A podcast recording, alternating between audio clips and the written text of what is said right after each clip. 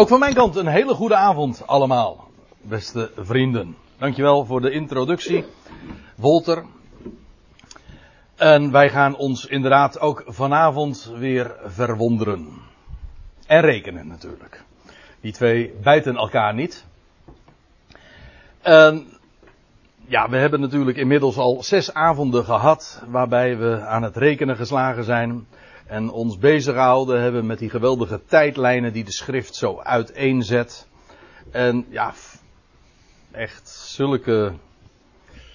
Nou ga ik een woord gebruiken wat niet correct is, maar ik weet even niet een ander woord. Zulke fabelachtige conclusies die zich aan je opdringen. Het is niet fabelachtig natuurlijk, want het is juist, dat is juist het mooie is, het is gewoon reëel. Het is de wijze waarop de schrift dat uiteenzet en onder de oppervlakte ligt dat allemaal zo voor het oprapen. Laat ik om te beginnen, en dat bent u inmiddels wel van mij gewend. Aha, daar is er nog iemand. Goedenavond. Nee, niet de eerste de beste. En ook niet de eerste de jongste. Zoals u van mij uh, gewend bent, gaan we eerst eventjes nog terugblikken op wat we tot dusver hebben gezien. Dat doen we eventjes heel snel. Maar om het geheugen weer even helemaal ook op te frissen. We zijn in de eerste avond al meteen uitgekomen op het jaar 2000. En als ik zeg het jaar 2000, dan moet je dan even toelichten natuurlijk. Het jaar 2000 sinds Adam. Want zo rekenen we. Anno hominis. Dat wil zeggen, vanaf de creatie van Adam gaan we rekenen. Al die getallen, al die, ge, al die leeftijden worden daarbij vermeld. Waarbij het wel erop aankomt om even accuraat te tellen. Maar dan kom je eh, erop uit dat in het jaar 2000 nauwkeurig Noach overleed. En tegelijkertijd, of in ieder geval in hetzelfde jaar, Abraham geboren werd. Een heel tijdperk werd afgesloten, maar daarmee begon ook weer een heel nieuw tijdperk. En het is eigenlijk met name die tijdvakken van iedere keer 500 jaren dat we ons hebben bezig gehouden de afgelopen zes avonden. Want, hoe was het ook alweer? In het jaar 2000, sinds Adam, stierf Noach, werd Abraham geboren en 500 jaar later, toen vond de Exodus plaats. Niet ongeveer, nee, op het jaar. Wat zeg ik?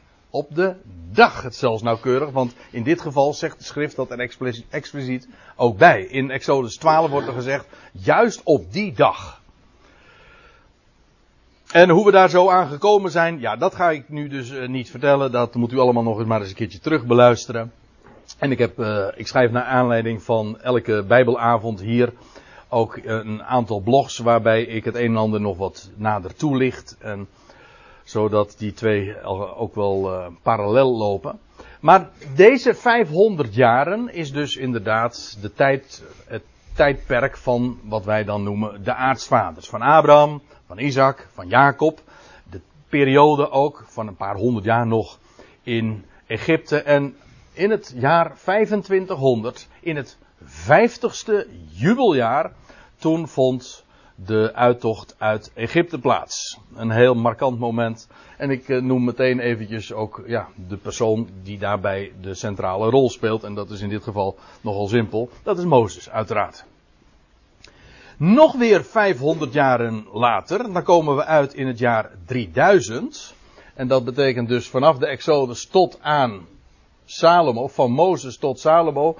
Ja, dat is het tijdperk van met name dan de richteren.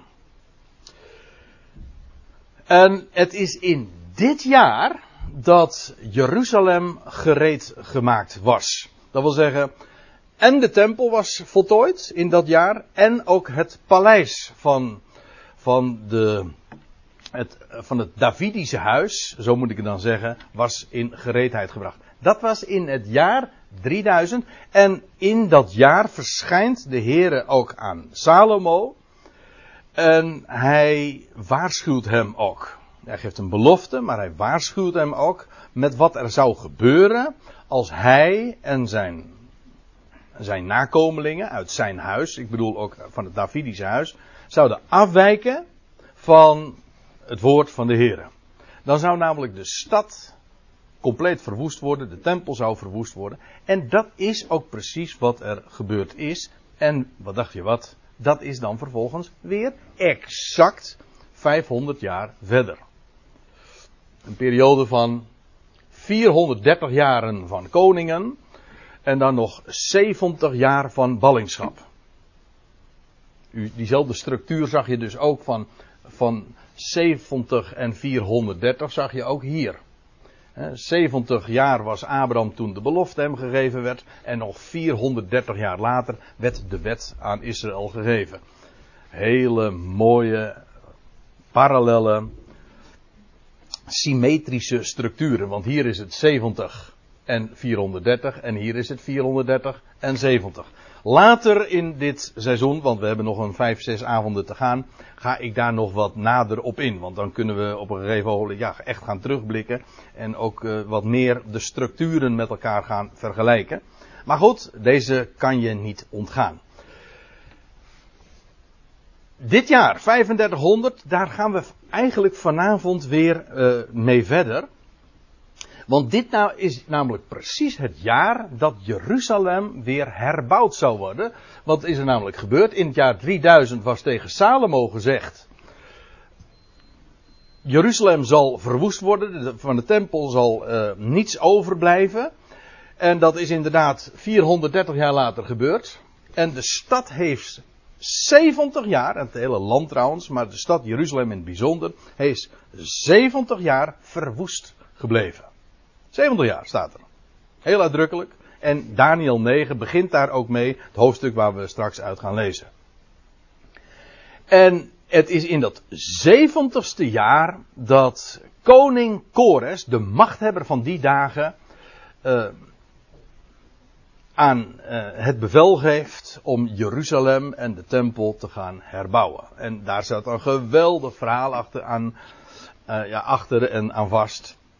Dat hebben we een paar avonden terug eh, met elkaar ook besproken. Schitterend. Maar dat betekent dus het jaar 3500. Dit is het jaar vanaf wanneer de, de, de stad en de tempel herbouwd gaan worden.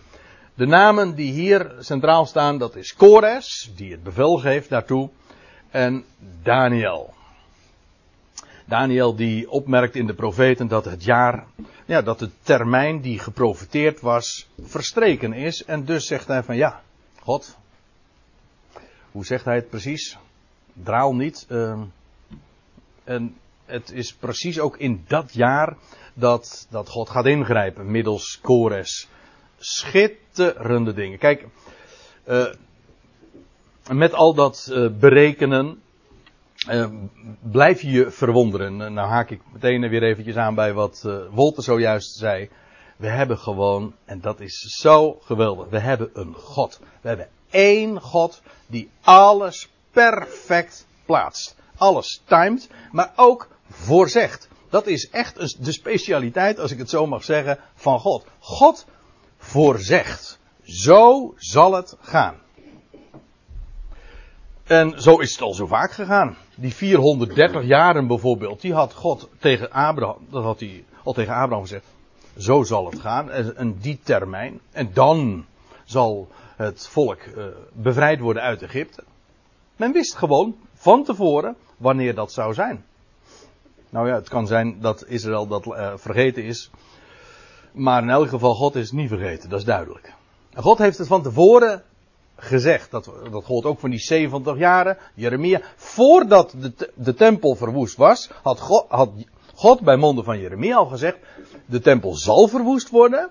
En, en de hele stad. Door Nebukadnezar. En 70 jaar later zal het weer herbouwd worden. En zo is het exact gegaan. Kijk. Daar, daar, op zo'n God kun je aan. Hè? Een God die, die de toekomst in handen heeft. Waarom? Ja. En dus, ja, waarom? Hij is God.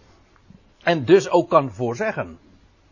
die het heden kent, de toekomst overziet. Kijk, daar, daar, dat is de solide grond waarop wij rusten. Het jaar 3500. En eh, wat we gezien hebben is, ja, iedere keer dus happen van 500 jaar. Maar ik kan het ook anders zeggen, en het is met opzet dat ik het nu anders formuleer. Het is gewoon iedere keer een periode van 70 jaarweken. Dat wil zeggen 70 cycli van sabbatsjaren. Waarbij, waarbij je iedere keer na een zevende cycli, uh, na de zevende cyclus, een jubeljaar hebt. Dus elke 50 jaar heb je een jubeljaar. Zo'n cyclus duurt dus in totaal 50 jaar. En dus in totaal een 70 jaarweken is representeert een periode van 500 jaar. Nou, in dit jaar voorzegt God. Nou, eigenlijk, ja. Hij stuurt de engel Gabriel eh, op Daniel eh, uit. En hij zegt. Juist terwijl er een periode van 500 jaren, van 70 jaarweken, juist in dat jaar voltooid was. Hij zegt, nu breekt er weer een nieuwe periode van, vijf, eh, van, van 70 jaarweken aan. En ja, dan weet je ook meteen waar je eindigt. Toch? Ja, dus als, als dit het jaar 3500 is, dan kom je vervolgens 500, 70 jaarweken verder, of, oftewel 500 jaar later, kom je uit in het jaar 4000. Ja. En dat is het jaar waarin Jeruzalem, maar dat, daar moet ik de bonnetjes nog voorbij leggen, dat ga ik vanavond doen. Dat is het jaar waar Jeruzalem officieel als, als volk en de leiders van het volk afstand nemen van de Messias. En dit jaar, want dat was ook het bijzondere. Tegen Daniel wordt al gezegd in het jaar 3500 dat het 70 jaarweken zou duren dat de Messias zijn werk zou verrichten. Ik zeg het expres even zo, want in werkelijkheid wordt het op een veel specifiekere manier nog geformuleerd. Maar tot die tijd, vanaf deze periode, vanaf dit moment, zouden er 70 jaarweken tot op de Messias volgen. Dus de Messias wordt aangekondigd, maar niet alleen hij wordt aangekondigd, maar wanneer hij zou verschijnen, wordt ook daarmee gezegd. Ja, dat is echt. Dit is zo'n geweldige profetie. We hebben ons er nou al diverse avonden mee bezig gehouden. En ik stel voor dat we die profetie nog eens met elkaar zullen lezen. En ik wil ook nog eventjes iedere keer terugverwijzen naar eh, de dingen die we al hebben gezien. Uh, zodat we het weer even goed scherp voor de geest hebben. En ik wil vanavond uh, wat, uh, wat meer op tijd stoppen dan de vorige keer. En dit wordt ook, dat is althans mijn planning, de laatste avond over Daniel 9. Want er zijn nog heel wat chronologische hobbels te nemen, om zo te zeggen. Nou ja, hobbels. In ieder geval, we zijn er nog niet. Het wordt eigenlijk ook steeds spannender. Ja. Want we komen steeds dichter bij onze tijd. Goed, Daniel 9, vers 24 tot en met 27. Ik stel voor dat we dat gewoon eens even lezen. En ik, alles wat u cursief ziet, dat, is, uh, dat wijkt af van de gangbare lezing. Maar ik heb dat inmiddels ook voor, voor een groot gedeelte al toegelicht, wat er dan precies staat. Dat is, uh, de vorige keer heb ik ook de interlineair laten zien, dat laat ik nu even achterwege. 70 weken wordt tegen Daniel plechtig gezegd. Hier begint dus de profetie. Profetie betekent letterlijk trouwens ook, het is een Grieks woord eigenlijk, voorzeggend. Hier worden 70 weken, 70 cycli van zeventallen van jaren, voor een Hebreeën een heel bekend begrip natuurlijk, maar daar hebben we het ook al over gehad. 70 weken is afgescheiden, die termijn is dus afgebakend, 500 jaren. Let op het enkelvoud, ik heb dat ook uitgelegd benadrukt. Het, is een, het wordt gepresenteerd als eenheid. Want je zou zeggen, hé, hey, dat is niet correct. Het moet zijn, 70 weken zijn afgescheiden. Nee, staat er niet. Er staat is afgescheiden. Dat wil zeggen, het is een eenheid, een enkelvoud. 70 weken is afgescheiden, afgebakend over uw volk. Daniel. Dus over het Joodse volk. En over uw heilige stad. Daar is er één van. Namelijk Jeruzalem. Daarover gaat deze 70 weken. Over dat volk van Daniel en over die heilige stad van hem. Die nu nog, op dit moment dat dit gezegd werd, nog helemaal dus in puin lag. Om de overtreding toe te sluiten, en er worden een zestal dingen genoemd. En ja, de vorige keer heb ik daar eh, veel uitgebreider bij stilgestaan, nu wil ik het alleen even noemen. Uh, die 70 weken die resulteren in de overtreding, in de toesluiting van de overtreding. We hebben stilgestaan, of ik heb u toen verwezen naar Hebreeën 9, vers 15. dit is precies, het is een perfecte beschrijving van wat de Messias gedaan heeft aan het kruis. Namelijk de overtreding toegesloten. De zonden te beëindigen. Ook in Hebre juist in de Hebreeënbrief, ook niet voor niks, dat juist die dingen ook worden ja, beschreven. Aan de Hebreeën, dat volk van Daniel, wordt dat voorgehouden. Daar zit ik ook nou niet op te wachten. Ik zal hem meteen even uitzetten, dat had ik natuurlijk meteen moeten doen.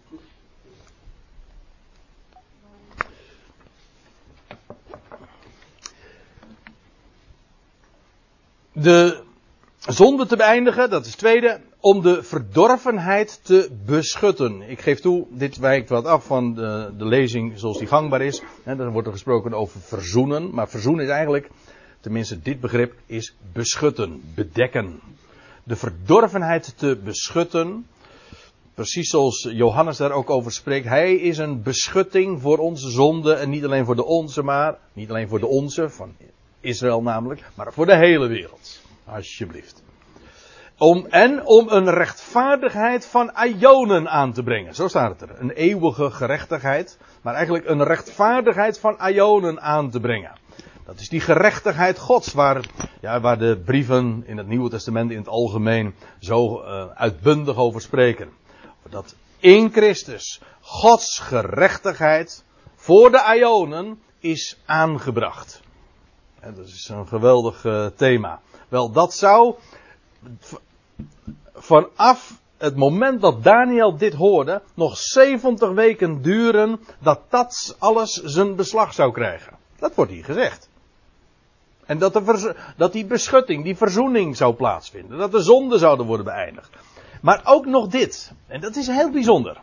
En ik, hier wordt heel dikwijls, zo niet bijna altijd, overheen gelezen. Namelijk om gezicht en profeet te verzegelen. Voor wie? Nou, voor uw volk Daniel en uw heilige stad. En wat betekent dat? Dat betekent, nou ja, wat ik in dit plaatje ook wil aanduiden, die, die rol, de schriften, hè, waarin de profeten aan het woord zijn en waar ze hun gezichten beschrijven, de, de visioenen, gezicht en profeet, die worden verzegeld. Dat woord verzegelen komen we nog twee keer tegen in het boek Daniel en wel in hoofdstuk 12. En daar wordt er gezegd, het wordt verzegeld tot de eindtijd. Israël zou het niet begrijpen. Ik heb het de vorige keer ook eh, vanuit andere schriftplaatsen, Jezaja, laten zien. De schrift zou ontoegankelijk worden. Bedekt zijn. Dat is precies de beschrijving van de huidige situatie voor het volk van Daniel en de heilige stad. De Messias is voor hen bestemd. Het werk is alles gereed gemaakt. De zonden uh, en, uh, zijn beschut, etc. De rechtvaardigheid van je Aion is aangebracht. Maar gezicht en profeet is voor hen verzegeld. Dat wil zeggen, ze kunnen er niet bij. Ze begrijpen het niet. Het is ontoegankelijk. Dat is eigenlijk wat het is. Verzegelen. Je kunt er niet bij. Onbegrepen.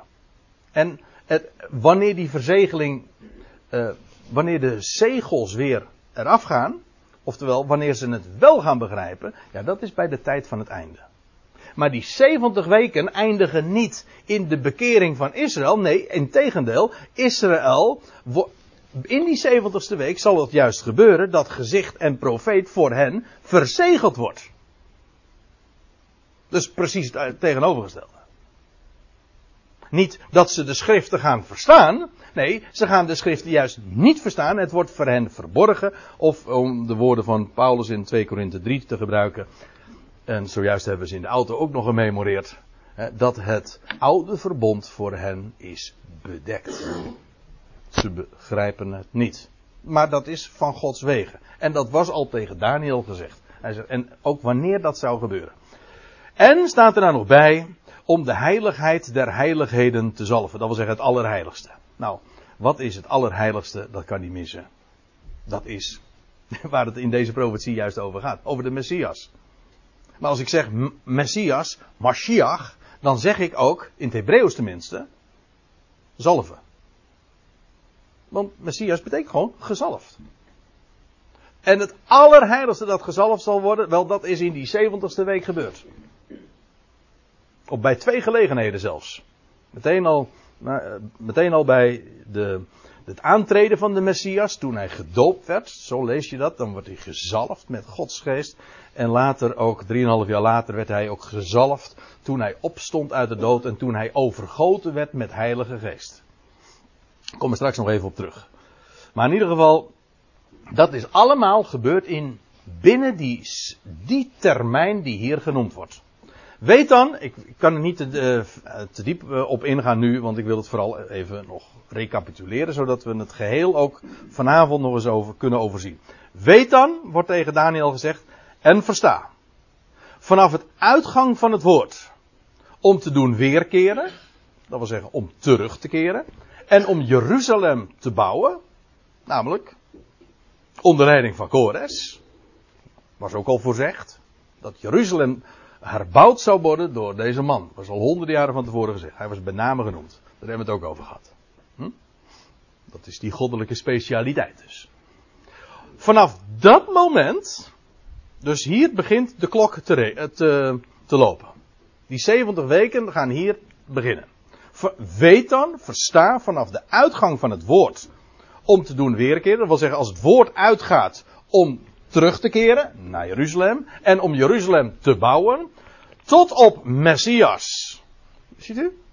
Hier wordt de Messias aangekondigd en wanneer hij zou komen. Tot op Messias, de worst, zijn 7 weken en 62 weken. Dat wil zeggen, er, er worden hier twee dingen genoemd. Jeruzalem bouwen en Messias de vorst. Zeven weken om Jeruzalem te bouwen. Dat is die periode van 7 keer 7. Dat is, dat is 49 jaar. En als je het inclusief jubeljaar, dan is 50 jaar. Die zeven weken. Wel, ik heb daar ook uh, over gesproken nog. Dat is de tijd van Esra en Nehemia. Dat de stad herbouwd werd. En vervolgens, na die, zeven, na die zeven weken, nog eens een keertje 62 weken tot op de Messias. En dat betekent dus dat die Messias zich aandient in de, aan het einde van de 69ste week. Dus hè, de 7 plus 62. Reken maar.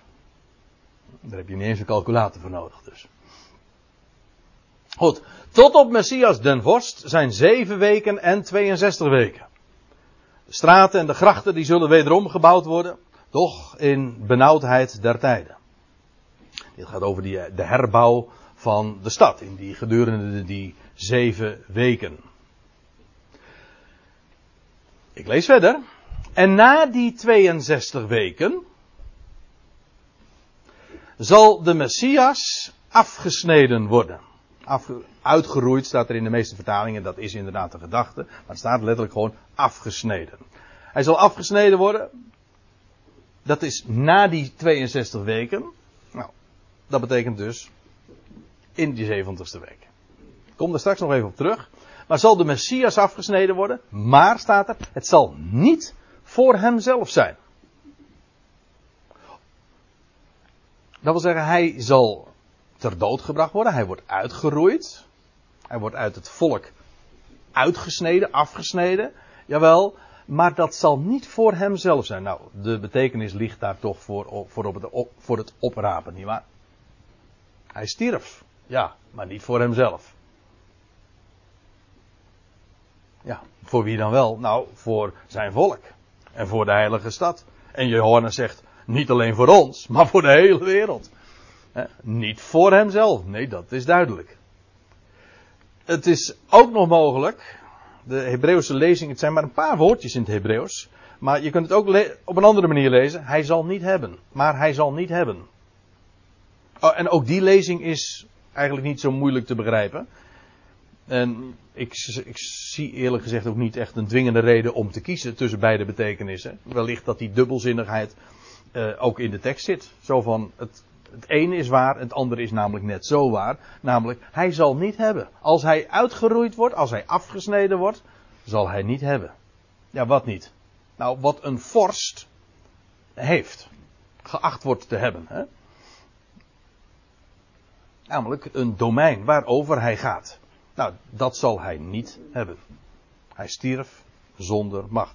Wat stond er ook alweer op het bord boven aan uh, de paal waaraan hij gehangen werd? Koning der Joden. Maar hoe verachtelijk is dat? Hij had niets. Hij had niets. Hij, hij was de beloofde koning van Juda. Uit de koningsstam ook bovendien. Maar hij had niets. Dus ja, hoe je het ook uh, leest, linksom of rechtsom, in beide gevallen is de betekenis gewoon, ja, zo duidelijk ook. Na die 62 weken zal de Messias afgesneden worden, uitgesneden worden, uh, maar het zal niet voor hemzelf zijn. En, staat er dan, een volk van een vorst, het wel komen zal, zal de stad en het heiligdom verderven.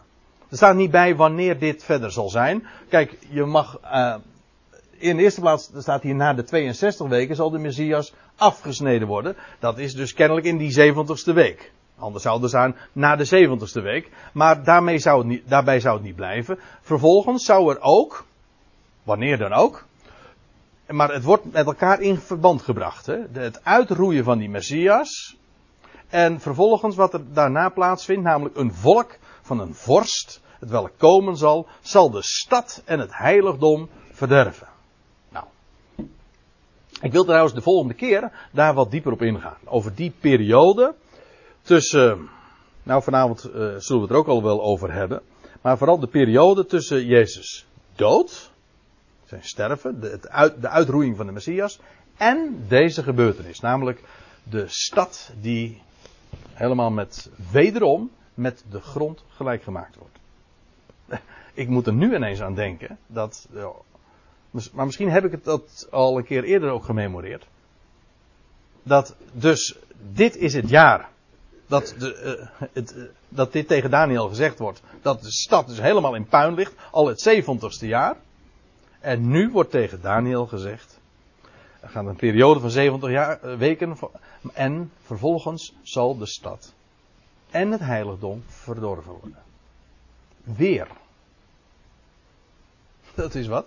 En inderdaad, dat is verdorven op een afgodische manier door de Romeinen in uh, 70 AD, Anno Domini. Ja, dan lopen de verschillende jaartellingen. Kijk, we rekenen nu de hele tijd uh, Anno Hominis, dat wil zeggen vanaf Adam. En dit is Anno Domini, dat wil zeggen de gewone gangbare christelijke jaartelling. Ik kom er vanavond al uh, nog eventjes op terug later. En uh, in, de, in de komende avonden zal ik dat ook nog wel even ter sprake brengen. Uh, dat is een, wat lastig punt. Ik wil, want ik wil eigenlijk gewoon uh, puur de Bijbelse lijn vasthouden en me niet te veel storen aan die christelijke jaartelling. Maar goed, we weten allemaal, als we het hebben over de verwoesting van de stad Jeruzalem, dan is het begrip 70 AD eigenlijk haast spreekwoordelijk. Dat is, iedereen weet, dat is het jaar 70. Ik kan u trouwens vertellen, dat was 40 jaar. Maar daarover gaan we het dus de volgende keer hebben. Dat was 40 jaar na de dood van Christus. En zijn einde zal zijn, en zijn einde dat is het einde namelijk van dat heiligdom. Het is een mannelijk woord, het verwijst terug naar, naar dit woord. Het, en zijn einde zal zijn, het einde van het heiligdom, met een overstromende vloed. Dat is een eigenaardig woord. Want moet je dan denken aan dat, uh, dat Jeruzalem onder water gaat lopen of zo? Dat kun je A, moeilijk voorstellen. Maar B, ik zal het uh, nog wat vertellen. Deze uitdrukking komen we nog een keer tegen in het boek Daniel. En dat is het mooie van. Kijk, uh, De schrift legt zichzelf uit. Het gaat namelijk over oprukkende legers. En in, in 11 vers 10, ik heb er geen diaatje van, maar ik kan het u wel eventjes voorlezen. In 11 vers 10, daar komen we dezelfde uitdrukking tegen. En dan staat er, dan zullen zijn zonen zich ten strijde rusten en een menigte grote legers verzamelen. Een van hen zal tegen hen oprukken, als een, als een overstroming steeds verder om zich heen grijpen. En bij een hernieuwde stormloop enzovoorts. Hier, hier dit woordje overstromen. Hier in Daniel 9, vers 26. Dat is exact hetzelfde woord als wat in Daniel 11 dan gebruikt wordt. En dan gaat het over, over oprukkende legers die uh, het helemaal ja, platwalzen, hoe stond het er hier, en, en wegvagen. Dus zo wordt dat dan uitgelegd. Dus deze beeldspraak, het, is een, het wordt overstroomd door oprukkende legers. Zoals een vloed oprukt en opkomt, zo zullen die, eh, die legers uh, over de stad komen. En die, uh, hoe liet ik het net ook alweer zien? Ja. De Romeinen, u kent dit plaatje. Dit is een plaatje trouwens uit Rome. Toen uh, de Romeinen met al die attributen van het heiligdom teruggingen onder leiding van de veldheer Titus. En ze hebben, ja, de hele stad is toen in, in vlammen opgegaan. Maar een geweldige overmacht van legers is toen Jeruzalem platgewalst. Ja. En zijn einde, dat wil zeggen het einde dus van dat heiligdom, dat was met een overstromende vloed van oprukkende legers. En tot het einde toe, dat wil zeggen de tijd van het einde, dat is een uitdrukking die we nog eens een keer vinden. Ik geef u een paar voorbeelden, ik ga er nu niet naartoe, maar in Daniel 9, eh, of Daniel 8 vers 19, maar in hoofdstuk 12 dan ook een paar keer, wordt daarna verwezen. De tijd van het einde. Dat is nu nog steeds toekomstig. Einde ook van deze aion. Ja. En tot het einde toe zal er krijg zijn. Dat wil zeggen oorlog en vastelijk besloten verwoestingen. Verwoestingen, meervat. Dat wil zeggen, dan wordt je stad verwoest, maar het uh, blijft daar niet bij. Eigenlijk, uh, wat er plaatsvindt, de Messias wordt afgesneden. En wat er zal volgen daarna is de verwoesting van Jeruzalem en de tempel. Maar tot het einde toe zal er krijg zijn. En eigenlijk is dat gewoon een beschrijving, perfect matchend met uh, ja, de afgelopen 2000 jaar toch? Er is geen stad die zo vaak verwoest is en in puin gelegen heeft als Jeruzalem.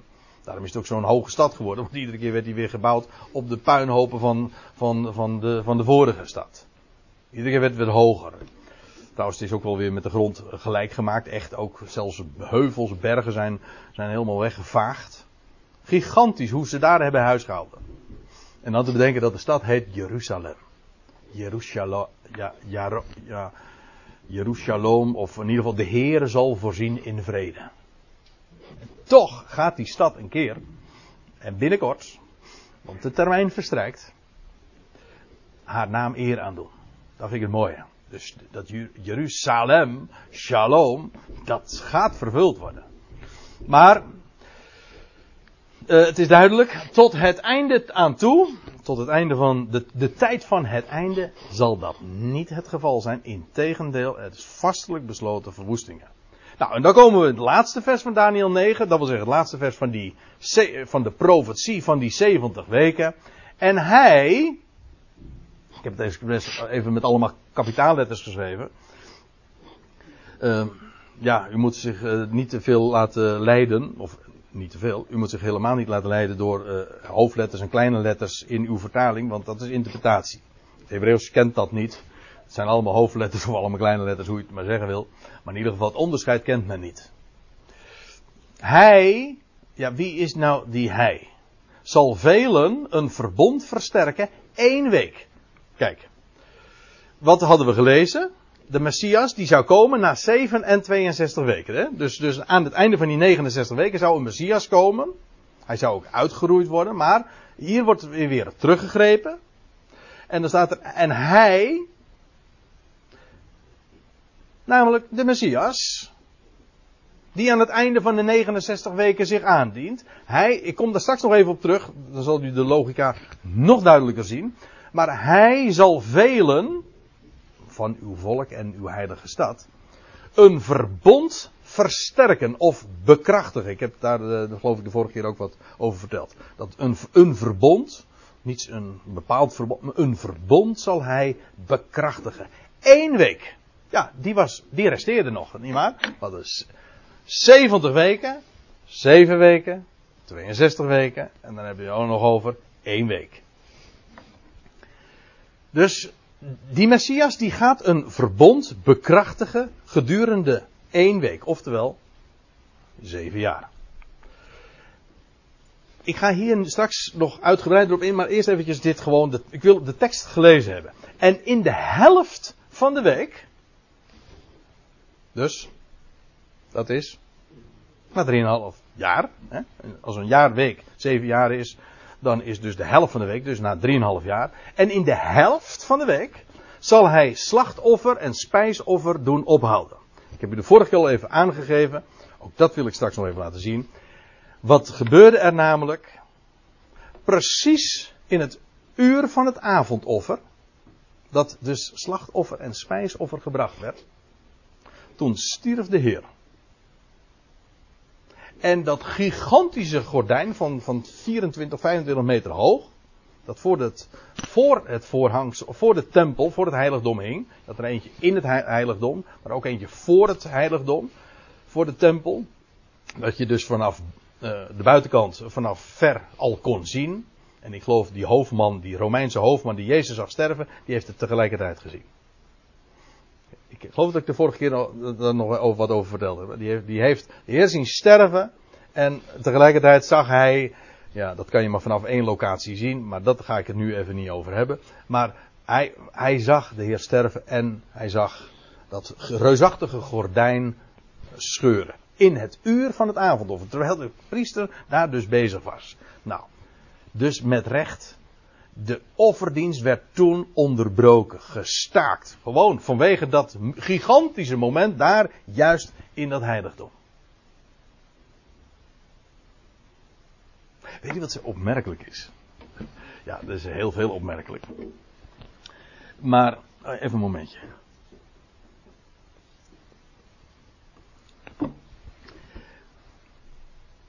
De, ik, ik zei zojuist al wat over die hoe God voorzegt en hoe gedetailleerd hij dat doet. Maar zal ik iets vertellen? Dat de chronologie, dan ga ik het eerst eventjes deftig zeggen. De chronologie van de voorzegging is gedetailleerder dan de chronologie van de geschiedschrijving. Wil je dat herhalen? Ja, dat doe ik nog even. De chronologie, de tijdrekening, de, de, de, de tijdspecifieke details in de voorzegging zijn gedetailleerder dan die wij voorhanden hebben in de geschiedschrijving. Dat wil zeggen dat wat hier gezegd wordt, om een voorbeeld te geven. Die zeven jaarweken, die eerste zeven jaarweken, waarin Jeruzalem herbouwd zou worden. Hoe weten we dat dat 50 jaar is geweest? Dat weten we alleen maar vanuit de profetie, weet u dat? Namelijk vanuit Daniel 9. Daar wordt het gezegd. In Esra en Nehemia kun je het opmaken dat het één generatie is geweest. Om 50 eh, jaar matcht perfect. Maar er staat nergens dat het zeven jaar weken was. Het wordt voorzegd. De, chronoloog, de chronologische ruggengraat, want dat is eigenlijk wat Daniel 9 is. Het is gewoon een, het is een chronologische ruggengraat. Het is, ah, je kunt gewoon de dingen zo hier aanwijzen. En hier van tevoren wordt gezegd zeven weken. Maar ook wat hier gezegd wordt, dat dit in de helft van de week zal zijn. Dat wil zeggen, eerst de Messias zal zich aandienen. En drieënhalf jaar later zal hij slachtoffer en spijsoffer doen ophouden. Nou, iedereen weet dat de rondwandeling van de Heer hier op aarde drie à vier jaar geduurd heeft. Dat weet iedereen. Maar precies staat het er nergens. Probeer het maar eens te achterhalen. Het is heel duidelijk te zien van, ja, vanuit de evangelie is dit uh, perfect te bevestigen. Maar dat het 3,5 jaar zou zijn, staat in de geschiedschrijving, in de evangelie, of in handelingen, staat niet beschreven. Hoe weten we het dan? Nou, het wordt voorzegd. En dat is op zich al, al ja, vind ik echt verbazingwekkend.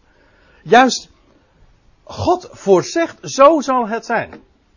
En zo lang zal het duren. En dat geeft, en, en voorzeggend geeft hij meer details dan terugblikkend. Dat wil zeggen vanuit de historische boeken.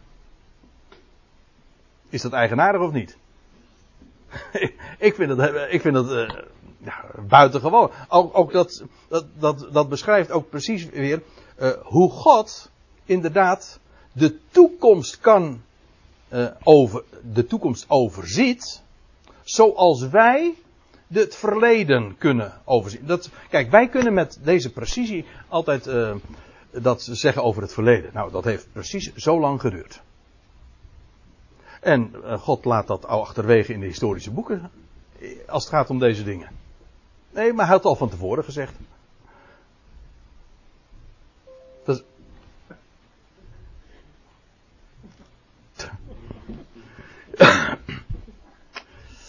Ga wegklikken. Maar zo, zo, zo werkt dat.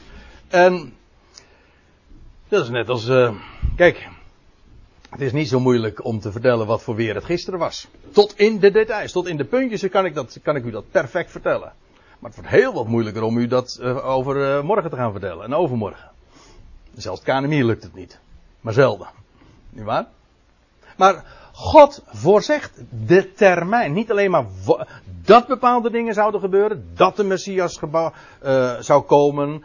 En, en dat hij uitgeroeid zou worden. Maar ook wanneer dat zal zijn. En wanneer slachtoffer en spijsoffer op een bepaald moment zouden staken. Dat wordt hier gezegd. In de helft van de week. En staat er dan ook bij.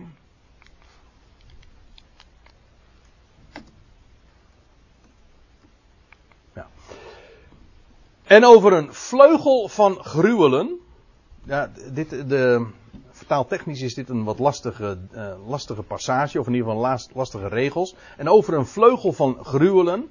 Dat gaat waarschijnlijk over beschermend. Een vleugel is in de Bijbel, heeft meestal de betekenis ook van, van bescherming. Hè? Ge, ge, geborgen onder de vleugelen. Andere mensen zeggen van nee, het gaat hier over een vleugel, namelijk van het uh, tempelcomplex, van het tempelgebouw. Kan ook nog, namelijk dat hij gevuld is met gruwelijken. Een gruwel in de Bijbel is afgodische praktijken. Afijn, uh, hij zal uh, slachtoffer en spijsoffer. Nee, hij, de Messias, zal een verbond versterken één week.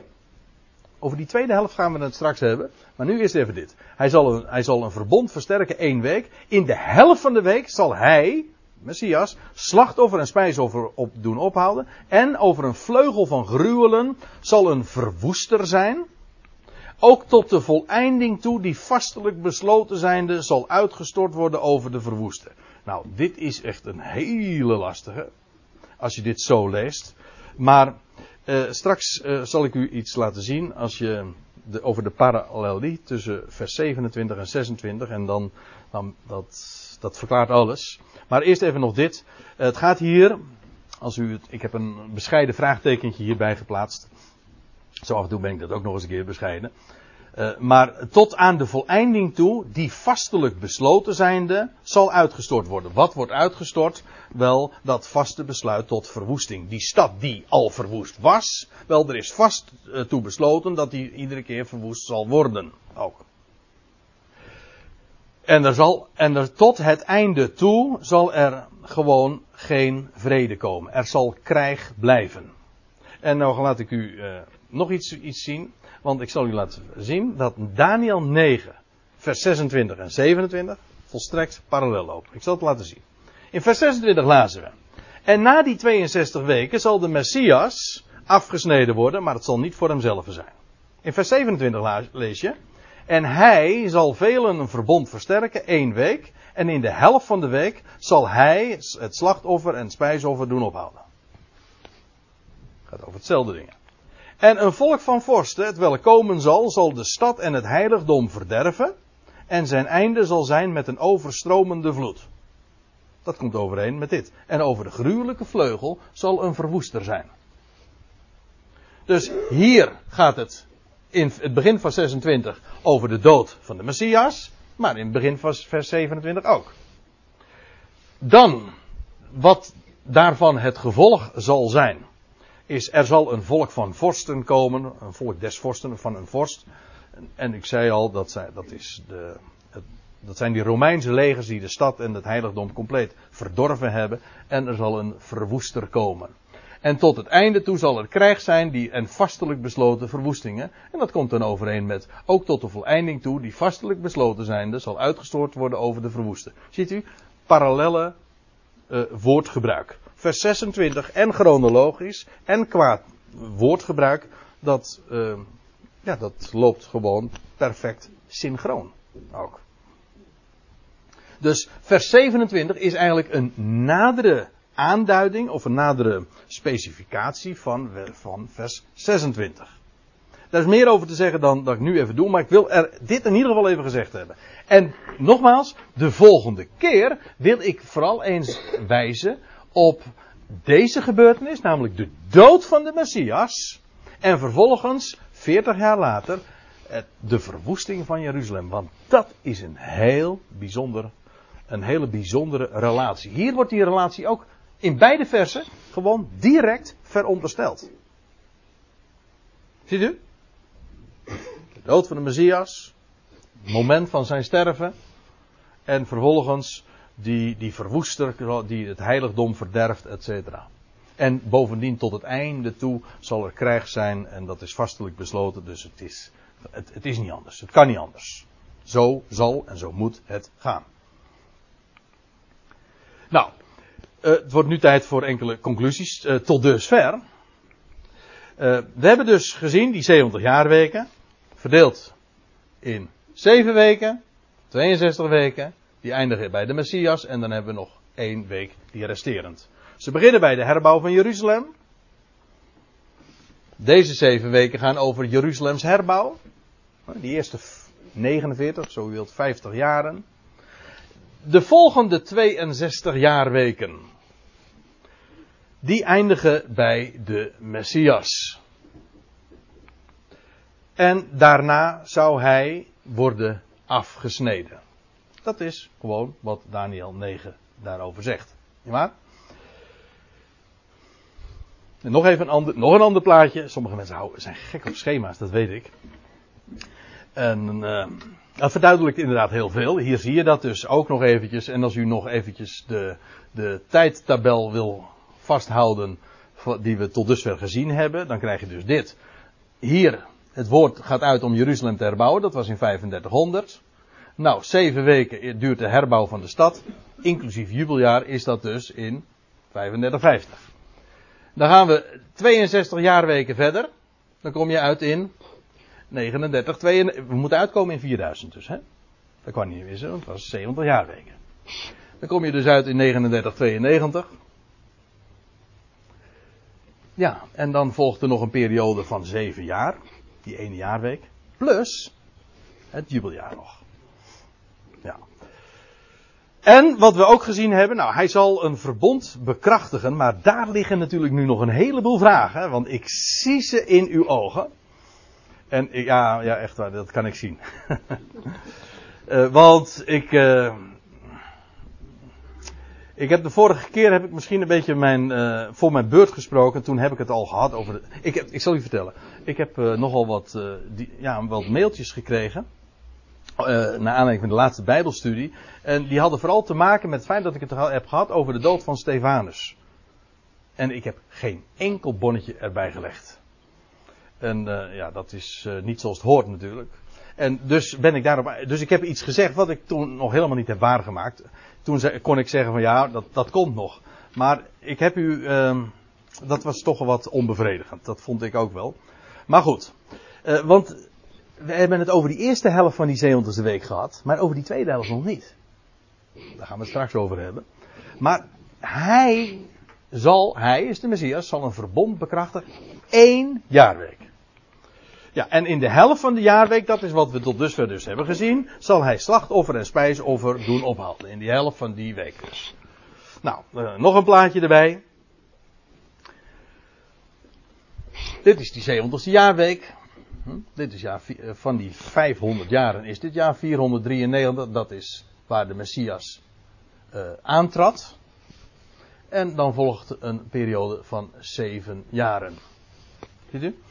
En, hij, hij, de Messias, bekrachtigt een verbond gedurende één jaarweek. Nog een plaatje. Hij begint dus hier. Dit, dit is zoals Daniel dit dus voorzegt. Hè?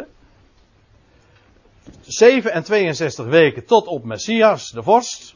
En dan zal hij een verbond bekrachtigen gedurende één week, één jaarweek. Dus dan krijg je deze periode dat hij dat verbond bekrachtigt. En we hebben gezien hoe dat. Uh, oh ja, en in de helft van die jaarweek zou hij de offers doen ophouden. Some way, somehow. Zo staat het in Daniel. En we hebben nu dus ook gezien hoe dat zijn vervulling heeft gekregen. Namelijk, inderdaad, hier aan het einde van de 7 en 62 weken deed de Messias, gaf die acte de présence. Hij werd gezalfd. Bij zijn doop in de Jordaan wordt uitdrukkelijk een zalving genoemd. Hij werd gezalfd met Gods geest. En vanaf dat moment gaat hij, ja, begint zijn openbare optreden en bekrachtigt hij het verbond in woord en in werk. Met krachten, wonderen en tekenen. En gedurende drieënhalf jaar heeft hij dat in zijn wandeling op aarde gedaan. En dan, in de helft van die week, dan gebeurt er iets uh, met de offerdienst, dan slachtoffer en spijsoffer staken op een bepaald moment. En dat is, de Messias sterft en het voorhangsel scheurt. Ten tijde dus van het avondoffer. De offerdienst wordt tijdelijk zo gestaakt. Dat verwijst dus naar het kruis. Zal ik u nog eens wat vertellen? Want nou worden we bevestigd. Ja, dit is ook mooi hoor. Want, wanneer begint een jaar? Ik heb het over een Bijbels jaar, een Hebreeuws jaar. Nou, ik heb het er hier al bijgezet natuurlijk. Dus uh, dit is een beetje open deur intrappen. Maar dat is in de maand Tishri. U weet, het Joodse nieuwjaar wordt gevierd in september, uh, oktober, nietwaar? Dat varieert, want die kalender ja, die is, werkt heel anders dan onze kalender. Maar in ieder geval, het Joods nieuwjaar heb je altijd in september, oktober. In de, in de maand op één Tishri. De eerste van de maand Tishri. Ja, ik, ga, ik kan kunnen zeggen van de eerste van de zevende maand. En dan zegt dat klopt. Maar dan zegt het nieuwjaar begint in de zevende maand. En dan zeg ik ja. En als u zegt hoe zit dat dan? Dan zeg ik, dat gaan we, daar hebben we het een andere keer over. Maar neem van mij aan, trouwens, u kunt u, u kunt het lezen trouwens. Dat, uh, wat, wat, uh, waarom uh, zo'n ingewikkeld verhaal? Want in het boek Leviticus 25, waar ook de, waar God de inzetting geeft van de sabbatsjaren en de jubeljaren, daar vertelt hij ook dat het jaar, het jubeljaar, begint in de zevende maand, in de maand Tishri. Een jaar begint in Tishri. Een jaarweek begint dus in de maand. Ja, wanneer begint zo'n hele nieuwe cyclus weer? Ja, zo überhaupt van elk jaar begint, in, begint met Tishri. Dus ook een jaarweek zo'n hele nieuwe cyclus van, jaar, uh, van zevental jaren, begint dus in de maand Tishri. Ja? Nou, dat was, dat hey, dan weten we weer een detail die we in de Evangelie niet vinden. Want na 7 en 62 weken, oftewel aan het einde van die 69ste week, of het begin van de 70ste week, treedt de Messias aan. Wordt hij gezalfd. Dus zijn doop in de Jordaan, toen hij de Messias werd, vond plaats in Tishri. Nou gaan we even proef op de zon nemen. Want, drieënhalf jaar later, zegt, was al voorzegd, zou de Messias worden uitgeroeid en slachtoffer en spijsoffer doen ophouden. Dat moet dus drie jaar verder zijn. Dan zijn we inmiddels in het jaar 496 van die, van die 500 jaren. Dat is dus halverwege het jaar. Bent u er allemaal nog? Oké. Okay. Ja, we gaan zo koffie drinken, maar. Maar eerst hebben we dit, hè. Want uh, als, je, als het jaar nou begint en de jaarweek begint in, in Tishri. Wat is dan halverwege de jaarweek? In welke maand zitten we dan? In de maand Aviv. Ja, Aviv betekent dat Hebreeuws woord voor lente. En het meestal uh, is bekender onder de naam Nisan, trouwens ook een Bijbelse benaming. Maar in ieder geval, het maakt niet uit, het is gewoon de zeven, ja, dat is dus, dit is precies exact een half jaar daarna. Dit verschilt een half jaar. Dat is een fenomeen dat je heel vaak in de Bijbel vindt. Over een half jaar verschil. Jezus en Johannes de Doper scheelden ook precies deze tijd. Zes maanden. Maar dat betekent dus dat als slachtoffer en spijsoffer ophouden, welke maand moet dat dan zijn? Dat kan niet missen. In de maand Aviv. En wat is, welk feest wordt er gevierd? Of welke hoogtij wordt er gevierd in Aviv? Pascha. Dit is de maand waarin de Messias met recht stierf. Dit is een perfecte bevestiging van wat we tot dusver hebben gezien. Daniel voorzegt, als de Messias komt, dan zal hij een verbond bevestigen, een jaarweek lang. In de helft van de week zal slachtoffer en spijsoffer, uh, zal hij slachtoffer en spijsoffer doen ophouden. En inderdaad, we gaan 3,5 jaar verder en we komen uit in de maand Aviv. En wat is er gebeurd in die gedenkwaardige maand Aviv? Toen, 3,5 jaar na het aantreden van de Messias, hij stierf. En zodanig ten tijde van het avondoffer dat de, dat de offerdienst moest gestaakt worden. Is dat bijzonder of niet? En hier zien we dus perfect ook bevestigd, inderdaad, dat aangezien die jaren beginnen in Tishri, dat de helft van die jaarweek dus noodzakelijkerwijs moet vallen halverwege het jaar en dus het halverwege het Hebreeuwse jaar, oftewel in de maand dat Jezus is gestorven. En opgestaan, godzijdank. Maar, nou hebt u nog een vraag. En dat is, wat weten we van deze tweede helft van die zeven jaar? Daar gaan we het straks over hebben, lijkt mij.